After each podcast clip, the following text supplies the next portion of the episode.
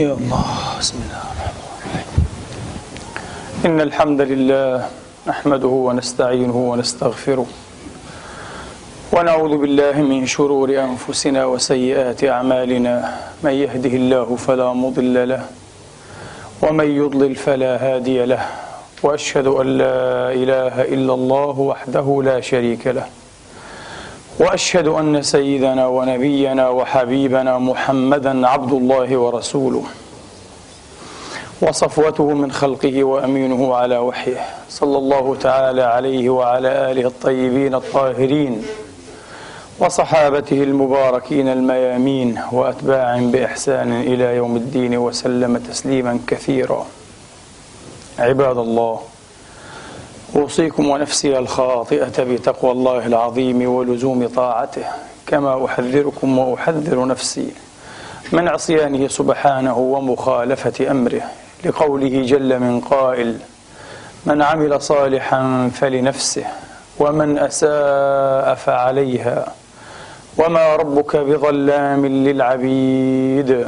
ثم أما بعد أيها الإخوة المسلمون الأحباب أيتها الأخوات المسلمات الفاضلات يقول الله سبحانه وتعالى في كتابه العظيم بعد أن أعوذ بالله من الشيطان الرجيم.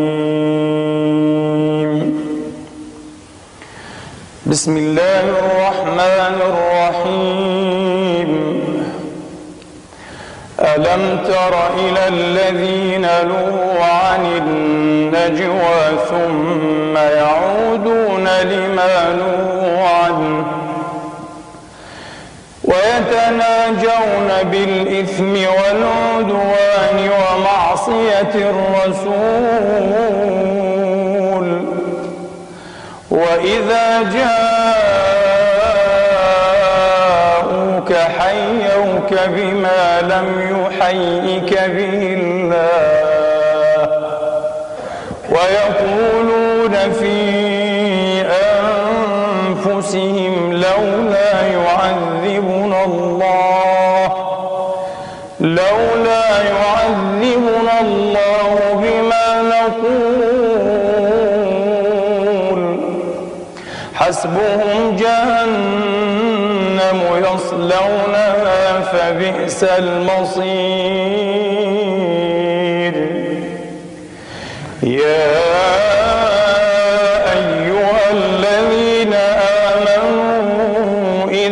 تناجيتم فلا تتناجوا فلا تتناجوا بالإثم والعدوان ومعصية الرسول وتناجوا وتناجوا بالبر والتقوى واتقوا الله الذي إليه تحشرون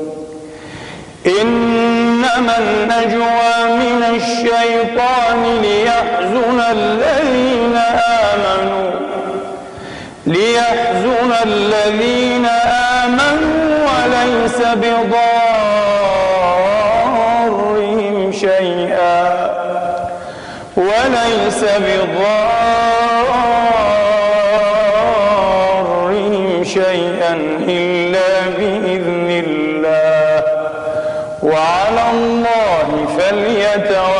فليتوكل المؤمنون. يا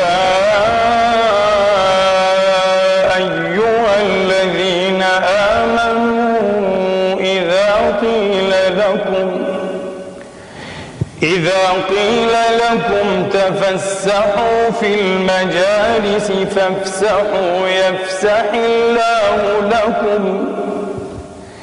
يفسح الله لكم وإذا قيل انشزوا فانشزوا يرفع الله يرفع الله الذين آمنوا منكم والذين أوتوا العلم درجات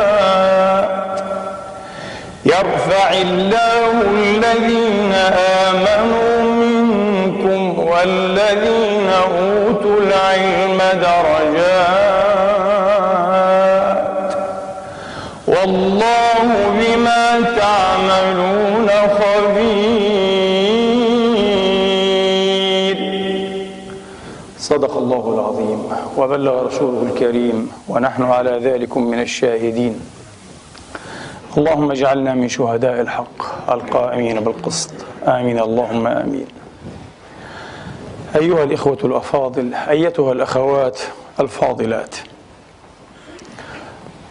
ما رفعه الله سبحانه وتعالى حمق محاولة وضعه.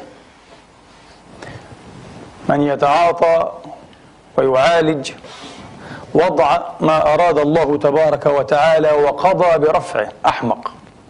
مغلوب على عقله. عاقبته إلى خسران في الدنيا والآخرة. وأمره إلى فضوح والعياذ بالله تبارك وتعالى. هذا وعلى ما سمعتم فإن ممن رفع الله تبارك وتعالى أمره ونوه بشأنه وذكره العلماء الربانيون الدالون على الله تبارك وتعالى بالقول والعمل الذين يتهدى الناس بهديهم ويتضوؤون بأضوائهم ويستنيرون بأنوارهم كثر الله في الأمة أمثالهم ونصبهم لهذه الأمة أسا وقدوات يسار في مسارهم ويطار في مطارهم ويلحق بآثارهم. وإن من أعظم نعم الله تبارك وتعالى ومن أجل علماء هذه الأمة في هذه الحقبة وفي هذا الوقت الذي نعيش الإمام الشيخ الفقيه الشاعر المجتهد الأصولي والمربي والمجاهد في سبيل الله مذ كان شابا. شيخنا وشيخ أهل الذكر والفكر الدكتور العلامة يوسف القرضاوي. حفظه الله تبارك وتعالى وأمتع به ومد في فسحته وإن قيل وقيل وإن قيل وقيل أيها الإخوة. قد كنت وآمر نفسي من أشهر في الحقيقة على أن أخص هذا العلم الإمام أيها الإخوة هذا العلم الخفاق بأكثر من خطبة أذب عن جنابه وأعرف بشيء مما ينبغي له أيها الإخوة استباقا ومبادرة مبادرة لموت الإمام. لأنني رأيت أن هذه الأمة ومن أسف لا تكاد أو لا يكاد معظمها يعرف أقدار رجالها إلا بعد أن يتولوا ويدبروا بعد أن يموتوا. يكتشف أنهم كانوا علماء وكانوا أئمة وكانوا مجتهدين أيها الإخوة وكانوا ربانيين بعد أن يموتوا. أما وهم أحياء فالحمد لله الذي لا يحمد على مكروه سواه. لا يعودون بكثير من الناس إلا بالشنآن والبغضاء والتنقص. ممن يصلح. وهم قليل جدا. لأن من يصلح لا يمكن أن يكون هذا أدبه أيها الإخوة. لا يمكن أن يكون هذا أدبه مستحيل. ولكن ممن لا يصلح وهم كثيرون نسأل الله لنا ولهم الهداية. وألا يكثر من أمثالهم. لأنهم سم زعاف. أساتيذ في تفريق أمر هذه الأمة. أساتيذ مهرة. وأئمة مدربون في بث البغضاء والفرقة والشنآن والكراهية. وكأنهم لا يعلمون ما قال المصطفى المصدوق صلى الله عليه وآله وأصحابه وسلم. ثلاثة لا يستهين بهم إلا منافق. وهذا والله حق. واختبرناه. ثلاثة لا يستهين بهم إلا منافق. ذو الشيبة في الإسلام الرجل العاري السن. رجل شاب شيبة في الإسلام كيف تستهين به؟ إن العمر حرمته إن العمر اعتباره ووزنه. وصح عنه أيها الإخوة كبر كبر. ابدأ بالأشياخ ابدأ بالأشياخ الكبير له حرمته. خاصة وأنه كبر في الإسلام ولم يكبر في المعصية. والتيه والضلال أيها الإخوة. ذو الشيبة في الإسلام ذو الشيبة في الإسلام. وذو العلم وذو العلم العالم وإمام مقسط الحاكم الوالي السلطان الخليفة الأمير العادل.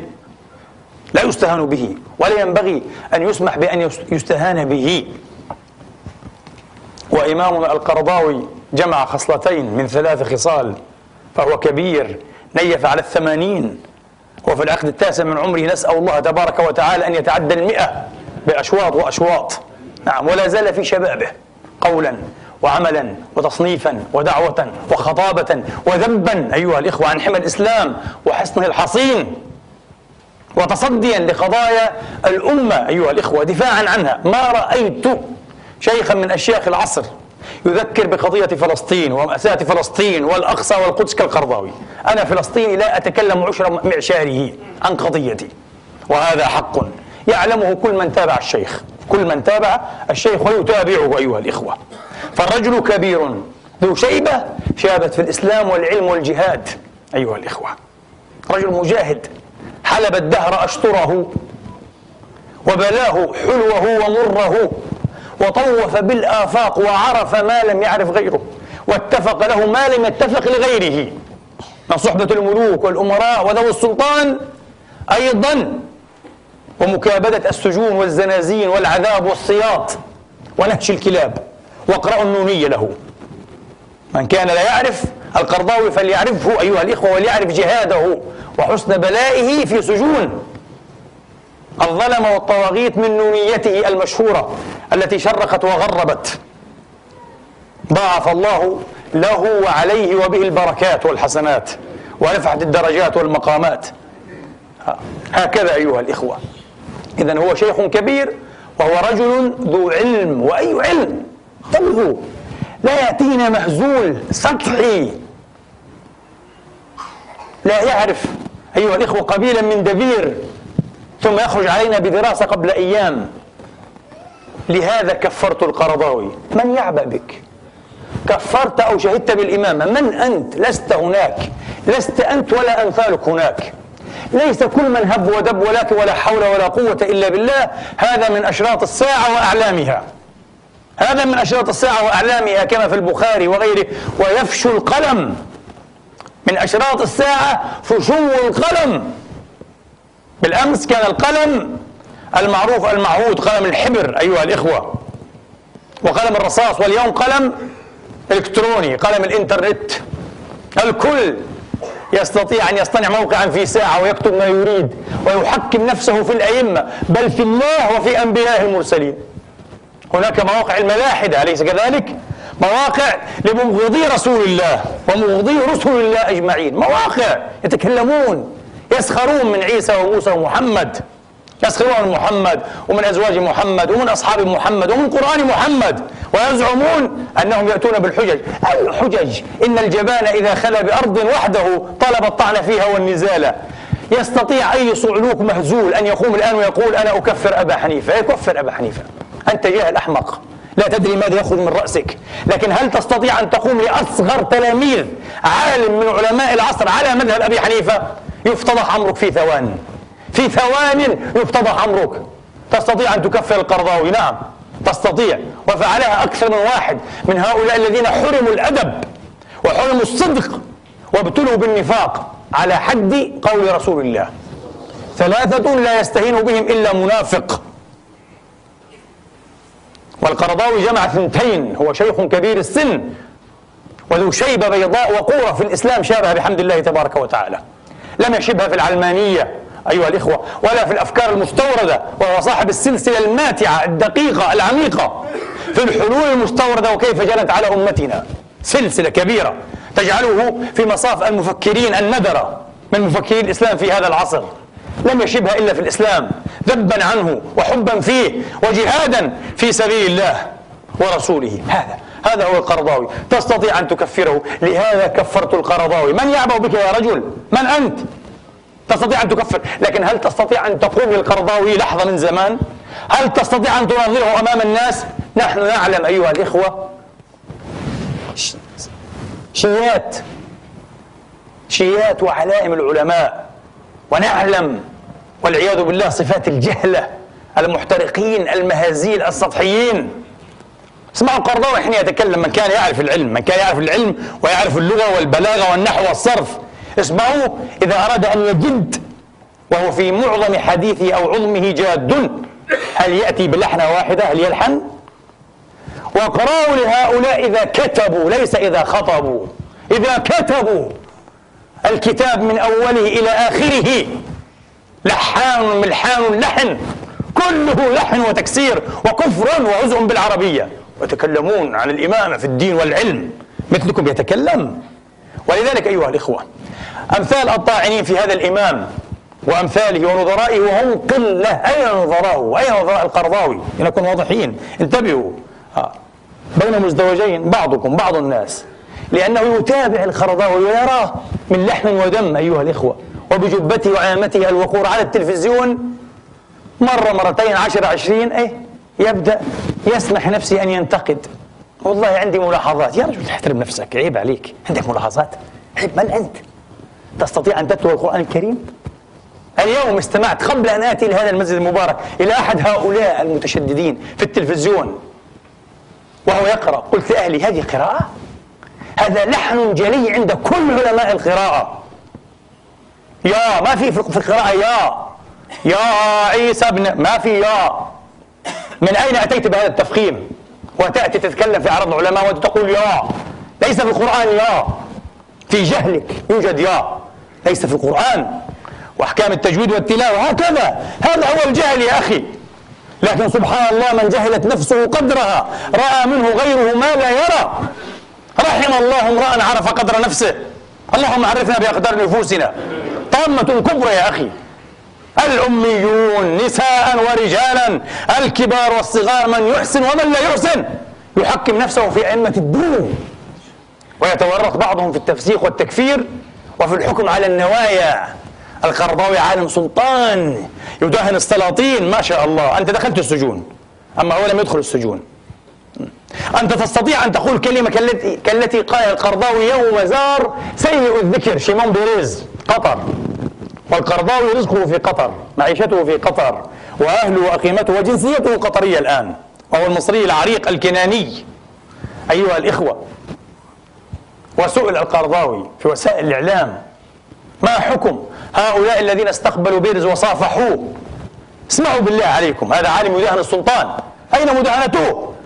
قال حكمه كل من صافح بيريز صافح بيريز يجب عليه أي وجوبا شرعيا أن يغسل يده سبع مرات إحداهن بالتراب. وكان في رأس الذين صافحوا أمير قطر. هذه كلمة يقولها عالم داهن السلطان. أنا لا أستطيع أن أقولها. لأكون صريحا. لو كنت مكان القرضاوي أنا أعرف نفسي. لا أستطيع أن أقولها. أنا أضعف وأجبن في دين الله. من أن أقولها. لكن هذا الشيخ الجليل والمجاهد الكبير والعلامة الإمام قالها. يتهم بأنه يداهن. الإنصاف عزيز في كل شيء وفاء وتطفيف. ويل للمطففين. ويل للمطففين. ليس منا من لم يرحم صغيرنا ويجل كبيرنا ويعرف لعالمنا. أي حقه كما في رواية أخرى. أخرجه أحمد وغيره بسند حسن. ليس منا من لم يرحم صغيرنا ويجل كبيرنا وقرضاوي كبير. كبير في سنه الآن وكبير في قدره وجهاده وحسن بلائه. له تقدم وسبق في نصرة الإسلام أيها الإخوة واتجاه الإسلام وصحوة الإسلام رضي الله عنه وأرضاه. ويعرف لعالمنا وهو من نجوم العلماء القلائل أيها الإخوة. هو نسيج وحده في العلم والإمامة والاجتهاد وكثرة التصنيف. شيء عجيب. أي عالم الآن معاصر. حي أيها الإخوة صنف ما صنف القرضاوي. قولوا لي. انظروا إلى مؤلفاته اقرأوا. يخرج كل بضعة أشهر على الناس بكتب تدهشهم. أيها الإخوة في حسن الصياغة واختيار المسائل بما يقرب بين الأمة ويؤلف القلوب ولا تضطغن به الصدور ولا تستوحش الأفئدة. أيها الإخوة هذا منهجه وهذا نهجه وهذه رسالته. بارك الله فيه. هكذا أيها الإخوة. نعم. ويعرف لعالمنا أي حقه. ليس منا. انتبهوا. ليس منا. العلامة الإمام أبي القاسم ابن عساكر حافظ الإسلام شعلة النار كما وصف رضوان الله تعالى عليه. صاحب تاريخ دمشق في مئة مجلد. هذا حافظ الإسلام ابن عساكر. كلمة عظيمة جدا. سارت أيها الإخوة مسار المثل. صارت مسار المثل. ولا زال العلماء يأثرونها ويذكرونها.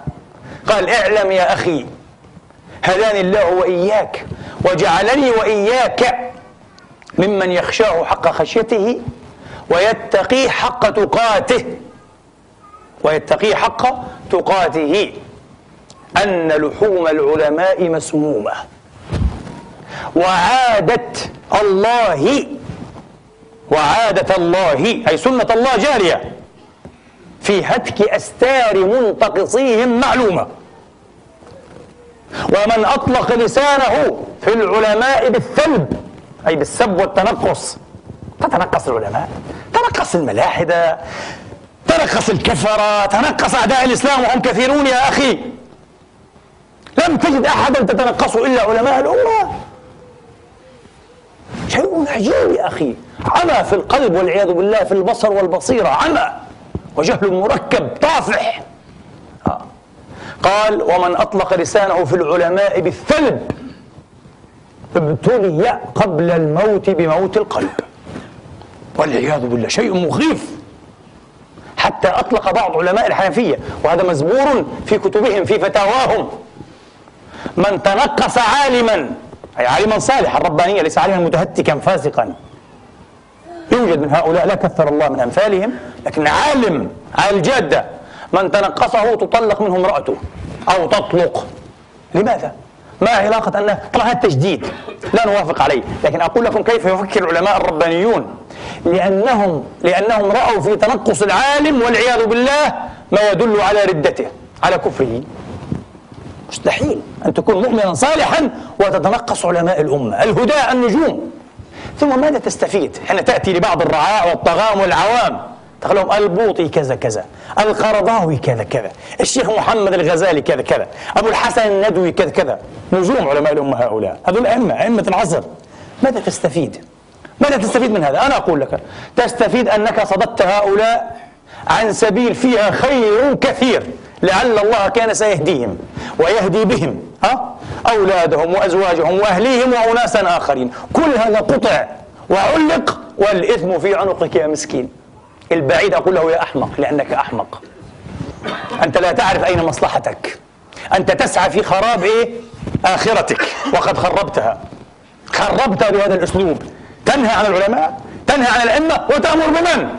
بطريقة أمثالك ممن يسارع إلى التبديع والتكفير والتشريك والسب البذيء الوقاح. هل تتوقعون أن رجلا ذاق شيئا من طعم العلم؟ يمكن أن يتخوض أو يتطوح أو يتورط في وصف مثل الإمام القرضاوي. طبعا ما كنت ناويا أن أتكلم بهذه الكلمات التي تملأ الفم قذرا والعياذ بالله والنفس غما ونكدا لكن سأتكلم بها من أجل غرض صحيح واحد إن شاء الله تعالى وهو أن أبلغ بكم النهاية في احتقار هذا المسلك الوبيل لكي تحقروا هذا المسلك. لا أقول تحقروا أهله لكن تحقروا هذا المسلك. وتهجروه. وتثربوا أيها الإخوة على تعاطيه. الكلب العاوي. العلامة الإمام الكلب العاوي.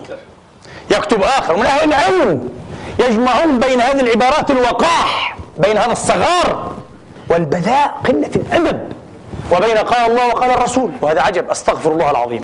هذه بحد ذاتها شبهة. أن تجمع بين قلة الأدب على علماء الأمة ومجاهديها بهذا المستوى الهابط الساقط أيها الإخوة. هذيان وهوس غيبوبة أيها الإخوة كاملة عن كل شيء عن العقل والأدب وعن الناس. الخرضاوي نفع الله ولا يزال وإن شاء الله سيبقى النفع به متصلا. ملايين من البشر. كم نفع الله بك يا مسكين أنت؟ أنت ك... كالذي تقول العامة فيه. آه يعوم في شبر ماء. يظن نفسه في البحر المحيط. هو في شبر ماء تظن نفسك إماما ما شاء الله. وأن الأمة لن تهتدي ولن تعود ولن تعرف رشدها إلا بأن تنزل على رأيك واجتهادك. لا والله لا نزلت. ونسأل الله أن لا يعرفها لا برأيك ولا باجتهادك لأنك طامة. لأنك كارثة من الكوارث تكرث بها الأمة ويكرث بها الدين كما كرث الأدب والخلق. الكلب العاوي. يقال عن إمام الإسلام الكلب العاوي. يكتب آخر القرداوي. يعني القرد القرداوي. القرداوي؟ هكذا. لكن اتركوا هذا الأسلوب القردي. أسلوب النباح والصياح. لا تعوى عينا بكثرة الصياح ولا بكلبك النباح كما كان يقول الأوائل واسمعوا ماذا قال شيخ دعاة العصر كما يلقبه العلامة البوطي الإمام الرباني أيضا. قال الشيخ محمد الغزالي شيخ دعاة العصر. شيخ مشايخ دعاة العصر. الشيخ محمد الغزالي جمعنا الله به في دار التهاني. أي أيوة والله. نشهد الله دائما أننا نحبه في الله نعشقه في الله هذا الإمام الجليل. يقول الشيخ الغزالي الدكتور الشيخ يوسف القرضاوي من أئمة العصر وقد كان الشيخ يوسف تلميذي وأنا الآن تلميذه. الشيخ الغزالي انظروا إلى الأكابر دعوا عنكم المساطيع السطحيين والمهازيل الذين حرموا الأدب. اسمعوا الأكابر عاد. اسمعوا الغزالي يقول في القرضاوي وليس سعدا وسعيدا وزيدا وعمرا الغزالي. اسمعوا الإمام المجدد المصلح الذي بعث الله به الإسلام أي مبعث في الديار الهندية أبا الأعلى المودودي يقول فقه الزكاة. للدكتور القرضاوي كتاب القرن في الفقه. إذا أردنا أن ننتخب كتابا على مستوى القرن على مستوى مئة سنة أعظم كتاب ألف في الفقه يقول مودودي يقول هذا رأيي. إن أحببتم خذوا إن كنتم أعلم مني بمراحل فلا تأخذوا. إيه؟ هذا ما أقوله أنا يعني. هذا الموجود هذا. ليس سعدا ولا سعيدا. الموجود يقول هذا. يقول كتاب القرن في الفقه. رأيت من يسرق كتاب القرضاوي. كاملا إلا أنه مسخه بالاختصار والاختصار كما قال علامة ابن خلدون مخل بالعلوم. ووالله لم يذكر في قائمة مراجعه ومصادره كتاب فقه الزكاة. حتى لا يتنبه ونأخذ في المقارنة فنعلم أنه إنما سرق الكتاب من ألفه إلى يائه ومسخه مسخا. في الحقيقة كان اثنين ليس واحدا سرق اثنان. أستاذان أكاديميان في الجامعة الإسلامية في جامعة إسلامية. إلى كثر الله من أمثال هؤلاء السراق. أحدهما ملتحن طبعا بلحية والآخر بلا لحية. دكتوران يدرسان الشريعة وفقه الزكاة سارقان. يسرقان كتاب إمام الإيه؟ فقه الزكاة في القرن العشرين. إيه؟ مفضوحة يا أغبياء. هذه غباء وحماقة من هذين. مفضوحة المسألة مفضوحة تماما. أول ما سنعود سنعود إلى فقه الزكاة. وسوف تفتضح هي السرقة. مفضوحة. والله لم يذكر فقه الزكاة في المصادر والمراجع. والله العظيم. شيء عجب يا أخي. ما هذا؟ ما أين العلم أين الربانية؟ أين الإنصاف يا أخي أين الصدق مع الله تبارك وتعالى؟ ومع النفس ومع الناس. في العلم والقول والأخذ والترك. وحسبه الله ونعم الوكيل. يقول الإمام الفقيه العلامة الكبير الشيخ مصطفى الزرقاء الحلبي ابن العلامة ابن الإمام أبوه وجده معروف شيخ الزرقاء. شيخ الزرقاء لما ذهب إلى مصر إلى أزهر مصر لكي يتحصل على الدكتوراه. اسقط في يد علماء مصر. هو قال هذا. هو قال يا شيخ مصطفى أنت تأتي تطلب العلم منا أنت تعلم أمثالنا. علامة كبير. مصطفى الزرقاء. لا يذكره إمام القرضاوي إلا يقول العلامة. الشيخ مصطفى الزرقاء. شيخ الفقهاء هذا. ماذا قال في القرضاوي؟ شيخ الزرقاء. مش عدنان وسعد وسعيد انتبهوا. شيخ الزرقاء. صاحب المدخل الفقهي العام اقرأوا المدخل لتعرفوا من هو الزرقاء. رحمة الله تعالى عليه رحمة واسعة. والرجل نيف على التسعين مات إيه وقد نيف على التسعين. روح الله روحه الكريمة. قال القرضاوي حجة العصر وهو من نعم الله على المسلمين في هذا الزمان. الله أكبر. والله لقد خف شعر بدني. هذا الزرق يقول هذا. القرضاوي حجة العصر وهو من نعم الله على المسلمين. أنا متأكد الآن بعضهم سيقول والله لم أكن أعرف القرضاوي بهذه المثابة أعرف هذا من كثرة اللغط والكلام. ابدأوا الآن فاعرفوا وعودوا فقروا بتواضع تواضعوا أهل العلم تواضعوا. آه. الحذلقة لا يحبها الله ورسوله التكلف والحذلقة والتنطع. هكذا. هذا الشيخ مصطفى الزرقاء العلامة الشيخ واسع الأطناب أيها الإخوة عبد الله بن بية. الموريتاني من تابعه في التلفزيون وقرأ له يعلم من هو ابن بية هذا من أئمة الفقه في هذا العصر. علامة متمكن راسخ. عز نظيره أيضا. ابن بية قال في القرضاوي من أئمة المسلمين وضمير هذه الأمة. الله أكبر. كلمة عظيمة. ابن بية والرجل ابن بية على ما علمت إلى الآن أيها الإخوة يتكلم بميزان. إن شهد أو انتقد أو أخذ أو علق. والله بميزان الرجل ما شاء الله. رجل رباني نفع الله به. لا يزال حيا ومد الله في فسحته. يقول من أئمة ها هذا العصر أو أئمة الأمة وميزان الأمة. عفوا ضميره ضمير الأمة. ضمير الأمة كلمة كبيرة جدا. لما القرضاوي بالذات ضمير الأمة؟ طبعا المنصف يعرف لماذا. لأن القرضاوي ضرب في كل غنيمة بأسهم وليس بسهم واحد. اتركوا العلوم اتركوا الفقه أيها الإخوة والعلوم الدينية الكثيرة لكن قضايا الأمة قضايا الأمة ومصالح الأمة ومنافع الأمة وهموم الأمة وآلام الأمة وآمال الأمة وأحلامها. القرضاوي مشارك فيها ليل نهار. يقول أحد الدعاة لم أكد أصدق ما اتفق لي. رأيت العلامة القرضاوي في المطار فصافحته وانتهزت الفرصة وألقيت إليه بأسئلة سريعة. فأفتاني بارك الله فيه. آه. ثم ركب السيارة وركبت السيارة. فبين أنا قبل أن أصل بيتي. وإذا بي أستمع على الهواء درسا للشيخ العلامة القرضاوي. الرجل أتى من سفر ولم يعد إلى بيتي؟ مباشرة هي الإذاعة أو لا أدري العين. آه، ويبث درسه حيا. من يستطيع هذا؟ نحن نسافر ثلاث ساعات نعود أسبوعا مكسرين. الرجل من سفره إلى الدرس. شيء عجيب وهو الثمانين من عمره. أيامها. مجاهد مجاهد. يوم أرادوا أن يكرموه وهو أجل بإذن الله مما ذكروا. ووصفوه بأنه الإمام وإمام العصر وكذا وكذا وكذا. قام الرجل يعقب تعقيباته المشهورة. ثم غلبته الدموع بعد أن استشهد بحديث رسول الله يوم قوم غزوا في سبيل الله فغنموا. فقد تعجلوا ثلثي أجرهم. إذا أخذت الغنيمة ذهب ثلثي الأجر بقي أجر واحد. انتبه.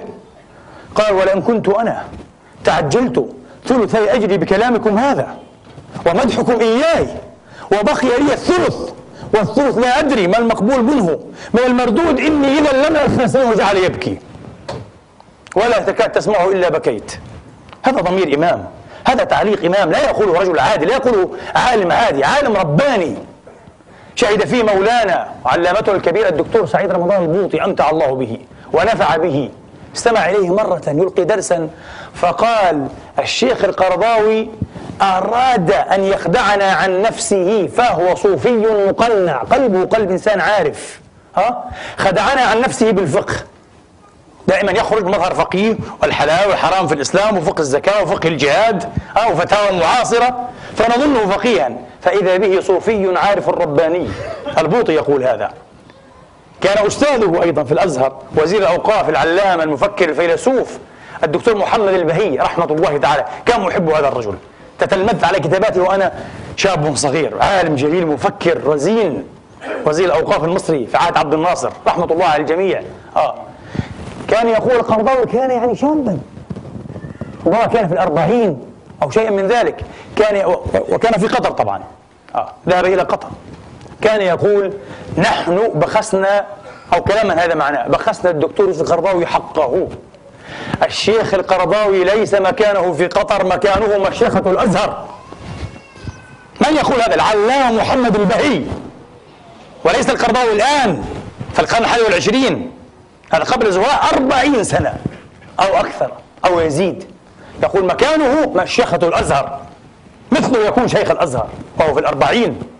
إماما وعلما وفصاحة وخطابة وشعرا. اقرأوا شعره شيء عجيب. له شعر وهو في السادسة عشرة من عمره. والله تقرأه وتقول هذا لشاعر ربما كان في السبعين أو الثمانين. شيء عجيب. مفتوح عليه الرجل. قريحة وقادة وذهنية منقادة وفتوح إلهية تترى زاده الله وأمتع به ونفع به. هكذا أيها الإخوة. على كل حال لكي أقعد لكلامي أيها الإخوة لأنه سيتواصل إن مد الله في فسحتنا وفسحكم بإذن الله تبارك وتعالى. أريد أن أقول القادحون صنفان. القادحون أو الناقدون المنتقدون صنفان. صنف من العوام. لا يحسبون في طبقة العلماء المحققين والجهابذة أيها الإخوة. فهؤلاء لا نعبأ بهم. وطبعا علامتنا وإمامنا لا يعبأ بهم. لم نرى القرضاوي ردا مكتوبا ولا أذكر ردا حتى مسموعا مسهبا يرد على أحد هؤلاء ويناقشه الحساب قولا بقول ها وتشغيبا باحتجاج لم يفعلها مرة. لأنه رجل وقور وجاد ليس عنده كثير وقت يضيعه في السفاسف. ورجل حي ومؤدب بالله عليكم. هل استمعتم إليه مرة يطعن بأسلوب غير لائق في عالم آخر؟ والله لم يفعلها مرة. فلذلك كل من عرفه عرفه بالحياء عنده حياء عظيم آه وبالأدب الجم وعفة اللسان. دائما يقول أخونا كان يختلف مع المرحوم شيخ الأزهر رحمة الله عليه الشيخ الدكتور سيد طنطاوي. ويقول دائما أخونا وصديقنا الشيخ الدكتور الإمام الأكبر سيد طنطاوي. لكن نخالفه في أشياء وكذا. وصحيح لم يزل الرجال والأكابر يختلف بعضهم مع بعض. هذا شيء طبيعي تماما. وطبعا هذا لا يعني أن هؤلاء العلماء أيها الإخوة أن يوافق قرضاوي في كل ما قاله. ابدا لا يقول بهذا عاقل ولا منصف. لهم أن يخالفوه فيما ارتأوا ولكن انتبهوا مجرد المخالفة بذاتها لا تعني أنهم أصابوا وأخطأ القرضاوي انتبهوا. ها هذا هو. قد يكون له اجتهاد ويخالفه فيه مئة عالم ويوافقه خمسة ويوافقه خمسة. وقد يكون في حقيقة الأمر الحق إلى جانبه والخمسة. وقد يكون العكس. هذا يتفق وهذا يتفق. انتبهوا. بعض الناس خاصة من العوام أصحاب يعني مزاج عامي لأن هناك أيضا من العلماء من هو عامي. يمكن أن نسميهم عوام العلماء. عالم عامي. طبعا عالم صاحب شهادة المسكين. لكن إيش حظه من العلم والتحقيق. مبخوس لا نقول لا شيء لكن مبخوس حظ يسير جدا جدا لا يكاد يذكر. العلماء يعرفون هذا. آه. وهذا يختلف يقول أنا أختلف. لك أن تختلف. لكن ليس معنى أنك تختلف أن تفهم أو يفهم عنك أنك أصبت كبد الحقيقة وأخطاها الخرباوي. لا يجوز هذا. هذا لا يجوز. وليس يعرف إلا بعد المناظرة. أن تأتي القرضاوي وتناظره إما شفاها وإما إيه؟ مسجلات على الجرائد أو في التلفاز أو في الإنترنت أو في الكتب. ونقرأ ونقرأ. نقرأ لك ونقرأ له ويقرأ العلماء. ثم نتخير. إن كنا من أهل إيه؟ التخير ومن أهل الوزن ومن أهل الوزن. وإلا فلسنا هناك. هذا راجع. لنكون من المرحومين. لأن رحمة الله منوطة بمعرفة القدر. أن نعرف أقدار أنفسنا. حتى لا نهلك. نحن لا نريد أن نتعاطى العلم والمشيخة والدعوة والالتزام والصلاة في المساجد لكي نهلك. أعوذ بالله. أعوذ بالله نريد أن ننجو أيها الإخوة أليس كذلك؟ وأن نتقرب إلى الله وأن نزدلف إليه تبارك وتعالى. لذلك لابد أن نكون عقلاء وأن نكون رصينين ورزينين. من أهل الرصانة والرزانة والتثبت وحسن التثبت أيها الإخوة. هكذا. ولذلك هؤلاء لا يعبأ بهم والخطة معهم هي الخطة في القديم والحديث.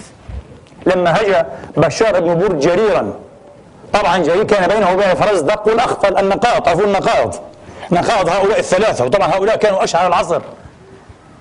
وبشار بن برد هذا هجا جريرا جرير نظر إليها كذا وابتسم ثم مضى في سبيله قلت لكم هذا أكثر من مرة. وجعل بشار يبكي. قالوا لما إنك لظالم. أنت هجوته وشتمته وسببته ثم تبكي. قال إنما هجوته ليهجوني. أنا بدي إياه يهجوني. ولو هجاني صيرني أشعر العرب. طبعا يقولوا إيه؟ الذي هجاه جرير معناه أنه رتبة جرير لكن لا ليس كل أحد له شرف الخصوم انتبهوا. يأتينا واحد إيه ينبح. آه ويصبح قرينا أو خصما بامثال قرضاوي أو البوطة وفلان لا طبعا هذا لا. نقول العب برا يا ولد. يا عيل يا ابني العب غادي بعيد. مع الاطفال اللي زيك. العب. ابتعد عن هذه الساحه هذه ليست لك. ولا سامعينك هم أصلا. ولا بردوا عليك. لا أنت قلت ولا هم سمعوا كما أقول تعبيري هذا. لا أنت قلت ولا أنا سمعت. كما قال مسلم ابن الوليد المعروف بصريع الغواني أما الهجاء فدق عرضك دونه والمدح عنك كما علمت جليل أما الهجاء فدق عرضك دونه. قال له عرضك أنت عشان أنا أهجوك. صغير جدا جدا لا يكاد ليس لك عرض حتى أهجوه. شوف شوف شعر شعر. إن من الشعر لحكمة وإن من الشعر لبلاء هذا بلاء هؤلاء إيه؟ السطحيين المهازيل الأغمار. أيها الإخوة قال أما الهجاء فدق عرضك دونه والمدح عنك كما علمت جليل والمدح كبير كبير عليك عاد. أنت أصغر من أن تمدح وأحقر من أن تهجى. فإلعب برا غالي. ليس هذا عشكي فادرجي كما تقول العرب. هذا هو. فالقرضاوي يعلم هذا بفضل الله بفضل علمه وأدبه وإمامته. فلا يتعاطى المهاترة مع هؤلاء المهاترين. أصحاب الأشرطة الأربعة والخمسة. ها؟ في الرد على الكلب العاوي يوسف القرضاوي. لا يتعاطى معهم ولم يعلق على إيه؟ على هذا النباح وهذا العواء. هذا لا يعنيه يعني أمثال شهادة الندوي أبو الحسن الندوي. قال من كبار العلماء والمربين في هذا الزمان رباني الأمة أبو الحسن الندوي. والإمام القرضاوي ألف كتابا عن رباني الأمة. الإمام أبي الحسن الندوي هكذا. هذا دأب الأكابر مع بعضهم البعض. احترام. انظروا إلى هذه النجوم الطوالع والكواكب النيرات في سماء علم الإسلام في هذا العصر. أمثال الندوي والمودودي وحسن البنا والقرضاوي والغزالي وآل قطب أيها الإخوة ها والبوطي وأمثال هؤلاء. انظروا والله لا تقع عينكم إلا على مليح ولا تسمعون إلا مليحا. دأب الأكابر ها؟ بعضهم مع بعض احترام وتوقير وإجلال. ما في اطغان في النفوس ما في حسد ما في صغار ما في عقد نقص وتشفي. يريد أن يخرج وأن يصعد على أكتاف العمالقة. هؤلاء عمالقة لست منهم اتق الله. لعل الله يلحقك بهم. إن اتقيت الله. لكن بهذا الأسلوب ستكون. يا أخي ليس القرضاوي. لكن القرضاء هو المراد بالخطبة اليوم إن شاء الله بالخطبة إيه؟ القادمة إن لم تكن خطب الله أعلم. ولكن هؤلاء لم ينجو أحد من شرهم. حتى الأئمة الأربعة. إيه؟ حتى الأئمة الأربعة. أبو حنيفة مثلا. لماذا بدأت به؟ أقدم الأئمة. قبل مالك هو. ومالك أستاذ الشافعي والشافعي أستاذ أحمد. هو أقدمهم. مش مالك رضوان الله عنهم أجمعين. أبو حنيفة النعمان ابن ثابت. أبو حنيفة وما أدراكم ما أبو حنيفة؟ لا نتكلم عنه الآن. موضوع آخر هذا. لكن يكفي أن نعرف أن أكثر من تعبدت الأمة ربها ودانته أو دانت له بمذهبه وفقهه واجتهاده واجتهاد مدرسته هو أبو حنيفة. ليس مالكا ولا الشافعي ولا أحمد ولا جعفر ولا أي واحد. أبو حنيفة رقم واحد عبر العصور. مئات الملايين الآن في عصرنا مئات الملايين. أكثر المسلمين حول المعمور يتعبدون الله بمذهب الإمام الأعظم. أبي حنيفة قدس الله سره الكريم. وإنه الإمام الأعظم بلا شك. هذا يسمى عندهم أبا جيفة. نعم نعم. أبو جيفة. سأحدثكم لأن الكلام ليس عن أبي حنيفة قد الكلام يحلو جدا عن الأئمة الأربعة والخمسة والستة والثمانية. لكن سأحدثكم بشيء واحد. أحد أئمة الأحناف أو الحنفية على مذهب أبي حنيفة وهو الإمام شمس الأئمة السرخسي. لكم أن تقولوا سرخسي أو سرخسي كلاهما صحيح. نسبة صحيحة السرخسي أو السرخسي. هذا الإمام شرح في كتاب له كتب ظاهر الرواية. يعرفها الأحناف. كتب ظاهر الرواية. أو تسمى كتب إيه؟ كتب الأصول وهي الكتب الستة التي وضعها محمد بن حسن الشيباني. ثم الحاكم الشهيد اختصرها رحمة الله عليه. جاء شمس الأئمة السرخسي وشرح مختصر الحاكم الشهيد لكتب ظاهر الرواية الستة. شرحها. فجاء الشرح عجبا من العجب. أنا أطالع فيه كثيرا. كلما اتسع وقتي. عجب من العجب. أدلة النقل أدلة العقل المقارنة المذهبية والترجيح. في ثلاثين جزءا. مطبوعة بخط مكتنز طبعة حجرية قديمة. لو طبعت طبعة مرتاحة كاليوم يأتي بلا شك في خمسين مجلدا. العجب أن شمس الأئمة السرخسي هذا. هذا أحد أئمة الحنفية. كتب كتابه هذا وهو في الجب في البئر. ليس عنده لا ضوء ولا كتب ولا مراجع ولا أي شيء إملاء من حفظه. قدس الله سره. حاكم بلده أيها الإخوة أراده على فتوى لا ترضي الله فقال له لا. دونها الموت لا يمكن. شوف هؤلاء من نفس أبي حنيفة. أبو جيفة؟ والله شيء يحزن. والله أنا أبكي مرات وأنا واحد يقسم بالله. يقال مجنون أقول أبكي أبكي والله العظيم يحرقني البكاء. أقول إيش؟ أمة عظيمة كهذه الأمة أمة جليلة يا أخي علم جميل فقه جميل رائحة ربانية من هؤلاء. يسمى إمامهم أبا جيفة؟ في عصرنا الأخبر النكد هذا القاتم؟ لذلك ليس عجبا أن ينال من عرض القرضاوي وغير القرضاوي والبوطي وغير البوطي وآل قطب وغير آل. عادي طبيعي جدا هذا لأنه هذا أبو جيفة. هذا شمس الأئمة السرخسي فجاءه التلاميذ. يا شيخنا يا شمس الأئمة نريد علمك. أنت الآن في هذا السجن في هذا الجرب ذات القعر البعيدة. فقال لا بأس يسر الله. هو ذكر هذا في مقدمة كتابه. من عنده مبسوط هو ذكر هذه القصة. ذكر أنه أملاه وليس عنده شيء من عقله. عقل؟ أي عقل يتسع لهذا العلم كله. بهذا الترتيب بهذه الدقة بهذه الأوضاعية بهذا الاستحضار المدهش بين المعجز. والله إنه لمعجز شيء معجز. يعجز البصر في البشر في العادة عن مثله السرخسي وأمثاله حسن من حسنات أبي حنيفة. ما رأيكم عاد؟ فعلا من حسنات أبي حنيفة. كيف يقال في الإمام الأعظم هذا؟ يكتب عالم من هؤلاء غفر الله لنا وله. في هامش كتاب له في الحديث تحت قرأتها بعيني رأسي. يقول ويوم ينزل عيسى بن مريم سيحكم بشرع محمد لا بشرع اليهود والنصارى ولا بشرع أبي حنيفة. إنا لله وإنا راجعون. شرع أبي حنيفة كشرع اليهود والنصارى؟ شرع أبي حنيفة ليس من شرع محمد؟ حسبنا الله ونعم الوكيل.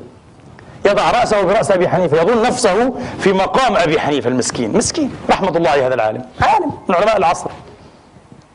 له كتب مؤلفات كثيرة. كتب بس. أين العلم؟ أين الأدب؟ مع أئمتنا مع أشياخنا. مع هؤلاء الأطواد الشامخة الراسخة رضي الله عنهم وأرضاهم. أبو حامد الغزالي فخر لأمة محمد أيها الإخوة. فخر. هذا رجل فخر لنا. ليس فقط بإيمانه وربانيته وعرفانه بل بعقله ولودعيته. أبو حامد الغزالي الكافر. عنوان محاضرة يدعى إليه العباد. هل سمعتم بمثل هذا في العالمين؟ هكذا يكافئ أئمتنا وعلماؤنا في القديم والحديث؟ ما هذا الاتجاه النكد؟ واستمعت إلى أحد هؤلاء وهو من أكابرهم. استمعتها من فمه أيها الإخوة. آه فيديو مسجل فيديو. لم أسمعها هكذا ولم أقرأها. في الفيديو يقول في الدكتور القرضاوي لأنه قال مرة كلمة نحن نوافقه على فحواها. الفحوى صحيحة. 100% قرضاوي قال هؤلاء عن الطواغيت طواغيت العصر حكام العرب. يقول يأخذون تسعة تسعة فاصل تسعة تسعة تسعة. ما هذا قال قرضاوي ما هذا والله قال لو عرض الله تبارك وتعالى على الناس ما أخذ هذه النسبة. طب هذا واضح وصحيح. الآن إحصائيات يقال أكثر من مليار بعضهم يقول مليار ونصف. حول العالم. ملاحدة. إيثيست. ملاحدة. الآن أعمل انتخاب. مين مع الله؟ مين بيعمل بالله إيه حتلاقي نصف البشرية تقريبا. لا تؤمن بالله.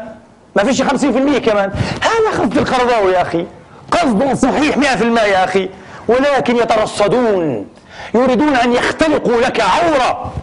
يفتشون لعلهم يعيبونك بعيب فإن لم يجدوا عابوك بما ليس عيبا.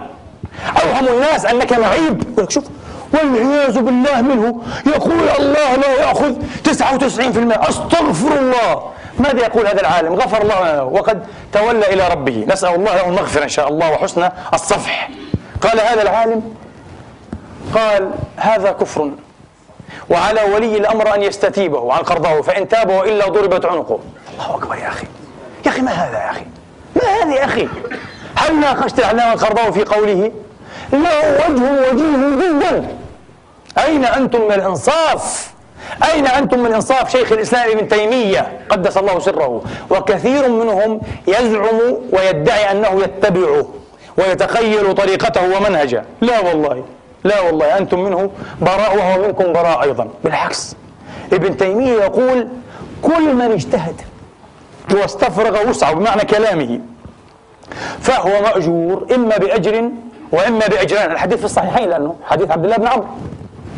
قال ولا فرق بين أن يكون اجتهاده وخطأه في مسائل الفروع أو في مسائل الأصول. قال هذا التقسيم ما عرفه الصحابة ولا التابعون ولا الأئمة المتقدمون. ما في شيء اسمه إيه؟ أصول وفروع. الفروع يعذر بالخطأ فيها والأصول يكفر. قال ابن تيمية هذا كلام فارغ وصحيح. كلام ابن تيمية ملآن هذا غير صحيح. قال ثم نقول لهم يقول لا لا لا موجود في أصول وفي فروع. والأصول المسائل العلمية النظرية والفروع المسائل العملية يعني الفقهية. هذا تعريفهم قال شيخ الإسلام قدس الله سره فإن أبوا نقول لهم ما حد الفرق بين الأصول والفروع. فإن قالوا مسائل الأصول هي المسائل العلمية النظرية ومسائل الفروع هي المسائل العملية قلنا لهم فقد اختلف الصحابة. فمن بعدهم في هذه التي تسمونها مسائل إيه؟ نظرية. صحيح. اختلفوا هل رأى محمد ربه ليلة المعراج؟ أليس كذلك؟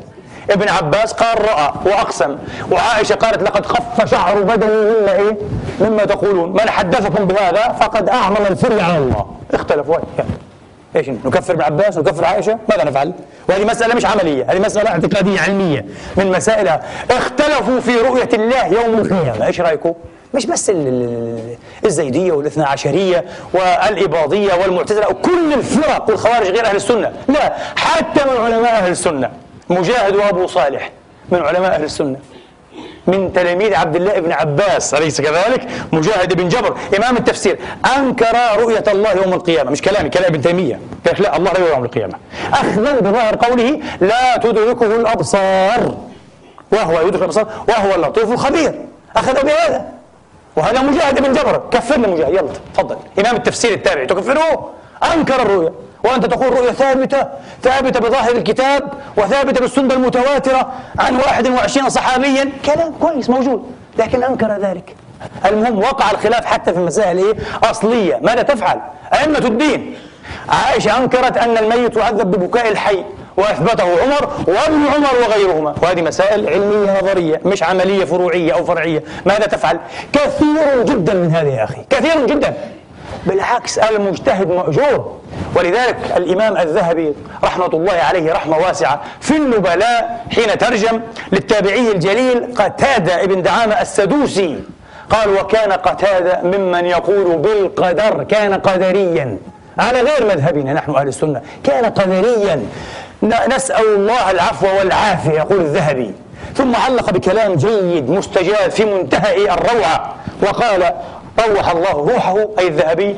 قال ولو, ولو أن كل أحد ممن علم إيه؟ إن شاء الله شدة تحريه وصدق نيته ها؟ في البحث عن الحق إن شاء الله ولزومه أخطأ في مسألة أو مسائل تركناه وأهدرناه بالكلية وضللناه وبدعناه لما سلم لنا أحد. لأنك ستقع على أخطاء لكل إمام ولكل عالم. قال لكن لا. وقد يأتيك متحدث من هؤلاء من متحلقة العصر ها ويقول لك لا بلا شك الذي وقع في بدعة هو بدعي. لابد أن نبدعه. طيب أنا لن أطيل النقاش لست هنا في مقام المساجلة لكن سأقول شيئا واحدا. كيف تبدعه؟ وبالتالي تفسقه ببدعته وتضلله إن لم يكن شيء, شيء أكثر من ذلك؟ والنبي يقول هو مأجور. النبي يقول له أجر وأنت تقول هو فاسق نصدق من؟ النبي أو نصدق إيه؟ أمثال هؤلاء انتبهوا هؤلاء يقعون في طمات عظيمة دون إيه؟ ولذلك لم يسلم منهم أحد لم يسلم منهم علماء طريقتهم وأساطين منهجهم في هذا العصر الشيخ الإمام العلامة ابن باز رحمة الله عليه رحمة واسعة مفتي المملكة في زمانه رجل مشهود له بالصدق بالورع بالزهد بالسعي في خدمة المسلمين وبسعة العلم بلا شك عالم لكن له منهجه ماذا قالوا فيه؟ ماذا قالوا فيه هؤلاء أنفسهم؟ الذين يكفرون القرضاوي ويكفرون الشعراوي وقالوا في الشعراوي طاغوت من طواغيت الإسلام وصنم في هذه الأمة الشعراوي صاحب التفسير العارف بالله الرجل الصالح العارف يقال إنه صنم وطاغوت طاغوت الشعراوي طاغوت الله أكبر يا أخي آه. ماذا قالوا في ابن باز؟ قالوا مداهن يداهن أهل البدع ابن باز يداهن المبتدعة هاي واحدة لماذا؟ ربما لأنه سمح بلغة السعوديين فسح بسموها الفسح. شو الفسح يعني؟ الإذن بالطباعة. لابد أن يفسح العلماء الرسميون آه لأي كتاب بأن يطبع بسموه الفسح. فسح لكتاب القرضاوي الحاوي حرم في الإسلام وشهد فيه. قال الدكتور يوسف القرضاوي كتبه لها ثقل وأثر في العالم الإسلامي. ابن باز يعرف هذا؟ قال لا يمكن أن نحرم أمة السعودية منها. لذلك أنا أفسح له وإن كنت أخالفه في مسائل فرحمة الله على الشيخ ابن باز. منصف ومتواضع إذن. صحيح؟ هيك لم يسب القرضاوي ولم يطعن فيه قال عالم كبير له أثر في الأمة. مش في مصر وفي السعودية وقطر في الأمة قال. يعرف. كتاب هذا مترجم بالأندلسية وبالملوية وبالتركية. الحال الحرام هذا. مترجم بالإنجليزية. عندي بالانجليزيه مترجم بالألمانية. كتب كثيره لغات كثيرة. قال فأنا افسح له. فسح الله للشيخ بن باز في في تربته. ونور ضريحه. رحمة الله عليه. قالوا هذا مداهن. يداهن أهل البدع. وقالوا فيه أيضا ها كبرت كلمة تخرج من أفواههم طعن السلفية طعنة خبيثة. لا يسلم منهم أحد. ها الشيخ الألباني رحمة الله عليه وقد اصطلى بالنار بهذه النار. لا أحب أن أتكلم أكثر من هذا على كل حال رحمة الله على الجميع. الألباني اضطر بأخر أن يقول أصيبت الأمة في عقيدتها وأصيب السلفيون في أخلاقهم. قال عندنا مشكلة أخلاقية. هذا ما دندن حوله وردده عشرات المرات شيخنا وحبيبنا محمد الغزالي. كان يقول هؤلاء مشاكلهم ليست علمية أخلاقية قال. ينقصهم الأدب ينقصهم الورع ينقصهم تصفية النوايا والإخلاص لله. مشاكل أخلاقية في أخلاقهم قال مش في العلم المسألة. ها؟ الألباني قال رحمة الله تعالى عليه أصيبت الأمة في عقيدتها وأصيب هؤلاء في أخلاقهم ماذا قالوا في الألباني؟ قالوا مرجئ ليس على مذهب أهل السنة من أهل الإرجاء أي إرجاء تعنون؟ هناك أكثر من أربعة اتجاهات رئيسة في الإرجاء أي إرجاء تعنون؟ إيش الكلام الفظيع هذا؟ في شيخ مثل هذا سلفي من أعلام السلفية وقالوا سلفيتنا أقوى من سلفيته يتأسدون عليه يتمجهدون عليه يتمرؤون به. العرب تقول يتمرأ بفلان. يعني بيعمل نفسه أكثر منه مروءة وأكثر منه سلفية وأكثر منه مجدا وكرامة. يتمرؤون بالشيخ العلامة الألباني. رحمة الله على الجميع. نحن نسأل الله تبارك وتعالى أيها الإخوة أن يتغمد جميع علمائنا برحماته الواسعة وأن يغفر لهم ما كان منهم. ونسأل الله لنا وللأحياء من جميع المذاهب والطوائف والآراء من أهل التوحيد والملة والدين. والحق المبين أن يؤلف الله بين قلوبهم وأن يصلح ذوات بينهم. إنه ولي ذلك والقادر عليه. أقول هذا القول أستغفر الله لي ولكم فاستغفروه فيا فوز المستغفرين.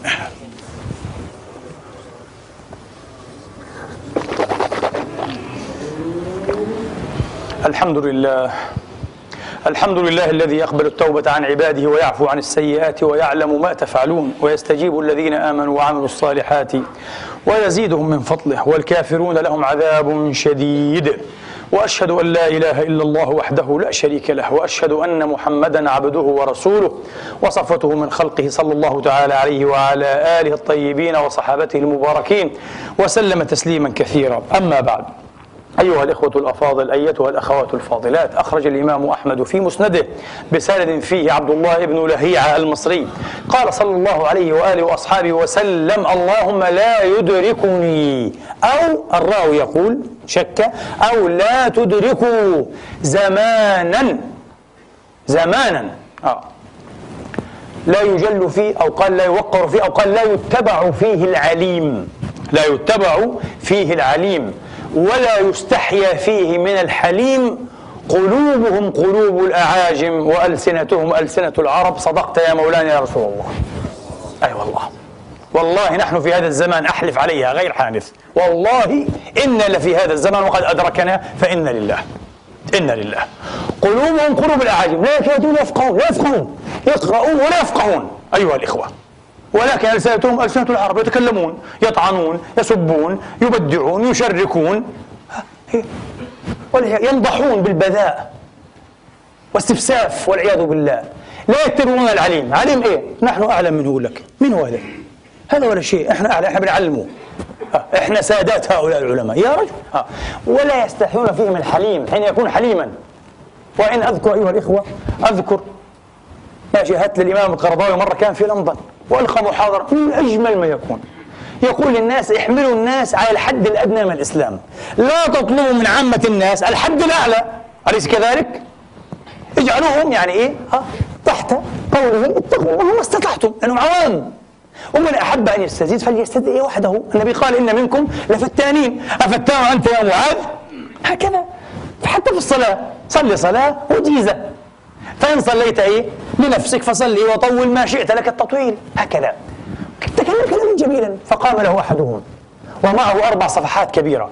ووضع يديه هكذا. وقفة والله لا يقفها طالب علم. وقفة ينقصها الأدب. هكذا. ها؟ وبدأ يقول للإمام القرضاوي هل ما الحد الأدنى كذا وكذا وكذا؟ هل ما الحد الأدنى كذا وكذا وكذا؟ وبدأ يفتري على الرجل. أنا قلت هذا افتراء. القرضاوي جلس هكذا الرجل. قلت والله لقد ابتلي بهذا الرجل. إيش هذا؟ أمام الناس. والله ما زال الإمام القرضاوي على أن شوف الأدب الأدب أدب العالم العالم يبقى عالما يا أخي. لا يمكن أن ينزل الاستفساف انتبهوا لا ينزل الاستفساف. إنما قال ألا أي هذا الرجل؟ طبعا هذا بده 10 سنين عشان يتعلم هذا الأسلوب في الحكي. ألا أي هذا الرجل؟ هذا أسلوب شاعر هذا ما يقولوش هذا الهبل هذا. انتبهوا عشان نعرف صراحة أنا بحب أنزل الناس منازلهم. أنا بزعل لما واحد يقول الشيخ القرضاوي أي كلام فارغ هذا. شيخ القرضاوي والشيخ سعيد والشيخ زيد عيب عليك. عيب عليك أن تتصف بالإخلاص. أنت شيخ هو اسمه فضيلة الشيخ الإمام العلامة. هيك هيك بتسميه. قالوا الشيخ قرضاوي والشيخ عدنان والشيخ رمضان والشيخ سعيد والشيخ زيدان والشيخ عمرو والشيخ إيش الكلام الفارغ هذا يا أخي؟ قلة الأدب هذه. في هذا. أعرف منازل الناس يا أخي. اسمعهم حين يتحدثون. اين اي هذا الرجل؟ قال له. أما تتقي الله؟ أما قلت هذا؟ فقط ما زاد على هذا. لم يقل له كذبت أثمت البعيد فجرت أنت ك... أبدا أبدا أبدا. أربع صحائف يقرأ. هل من الحد الأدنى؟ هل من الحد الأدنى؟ وأتى أيها الإخوة وجلب ما كان جالبا. وأتى بالبدع العجيب والإفك المفترى على الإمام. ما زاد على هذه الكلمات المؤدبات؟ أدب عالي أيها الإخوة. وأختم بقوله صلى الله عليه وآله وأصحابه وسلم كما أخرجه الترمذي من حديث أبي الدرداء ألا أخبركم بخير من درجة الصلاة والصيام والصدقة. أعظم أجرا. قالوا بلى يا رسول الله. قال إصلاح ذات البين. فإن فساد ذات البين هي الحالقة. لا أقول تحلق الرأس ولكن تحلق الدين. علينا مهما استطعت أن نؤلف بين قلوب المسلمين وأن نترك بعض المحاب.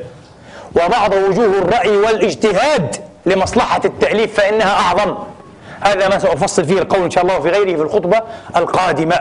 وفي معنى هذا الحديث الجليل ما أخرجه الترمذي أيضا والإمام أحمد. قال عليه الصلاة وأفضل السلام دب إليكم داء الأمم قبلكم. قال هذا الذي أكل الأديان هذا الذي نخر الأديان. أيها الإخوة سوس الأديان الذي خربها أنهكها هتكها.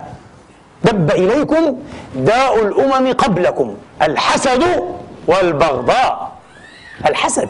أكثر من يعاد الخرضاوي إنما يعدي عن حسد. لأنه ليس له مثل شهرته ومثل إمامته ومثل حب الناس فيه وله وليس له مثل مكتبته أكثر من 130 كتابا ألف الرجل. آخرها فقه الجهاد في مجلدين عظيمين. يحسده حسد الفتى إذ لم ينالوا سعيه فالقوم أعداء له وخصومه. الحسد والعياذ بالله. الحسد والبغضاء والبغضاء هي الحالقة. أما إني لا أقول تحلق الرأس ولكن تحلق الدين حفظ الله علينا وعليكم والمسلمين والمسلمات جميعا وجمعوات ديننا ودينهم. اللهم آمين. اللهم اهدنا واهد بنا وأصلحنا وأصلح بنا واجعلنا مفاتيح الخير مغاليق للشر. اللهم ارزقنا الحكمة واجعلنا من أهل جميل الخطاب وحسنه وحكيمه يا رب العالمين. اللهم إنا نسألك الهدى والتقى والعفاف والغنى. اجعلنا نخشاك حتى كأننا نراك وأسعدنا بتقواك ولا تشقنا بمعصيتك وخر لنا في قضائك وبارك لنا في قدرتك حتى لا نحب تعجيل ما أخرت ولا تأخير ما عجلت واجعل اللهم غنانا في أنفسنا ومتعنا بأسماعنا وأبصارنا وقواتنا أبدا ما أحيتنا واجعله الوارث منا واجعل ثأرنا على من ظلمنا وأقر بذلك عيوننا إلهنا ومولانا رب العالمين. اللهم احفظ لنا علماءنا اللهم بارك في مددهم اللهم افسح لهم في أعمالهم اللهم قهم من شر شياطين الإنس والجن أجمعين يا رب العالمين. اللهم عظم بهم النفع. اللهم زدهم بركة وتبريكا. اللهم ارفع مقاماتهم في الدنيا والآخرة يا رب العالمين. اللهم واجعل من خيرة هؤلاء ممن أعليت مقامه ورفعت ذكره وجزيته عنا وعن أمة محمد خير ما تجزي عالما ربانيا. عن أمة محمد وسنته إمامنا وشيخنا القرضاوي يا رب العالمين. اللهم إنا نسألك أن تفسح في مدته وأن تمد في عمره وأن تبسط له في العافية. اللهم ألبسه لباس العافية وأنعم عليه بنعمة تامة يا رب العالمين حتى يغيظ الملاحدة والكافرين وأعداء هذه الأمة وحتى تقر عينه بالقدس وقد حررها الله من دنس الصهاينة الغاصبين. فهذا همه وهذه قضيته. اللهم آمين. عباد الله إن الله يأمر بالعدل والإحسان وإيتاء ذي القربى وينهى عن الفحشاء والمنكر والبغي. يعظكم لعلكم تذكرون فستذكرون ما أقول لكم. وأفوض أمري إلى الله. إن الله بصير بالعباد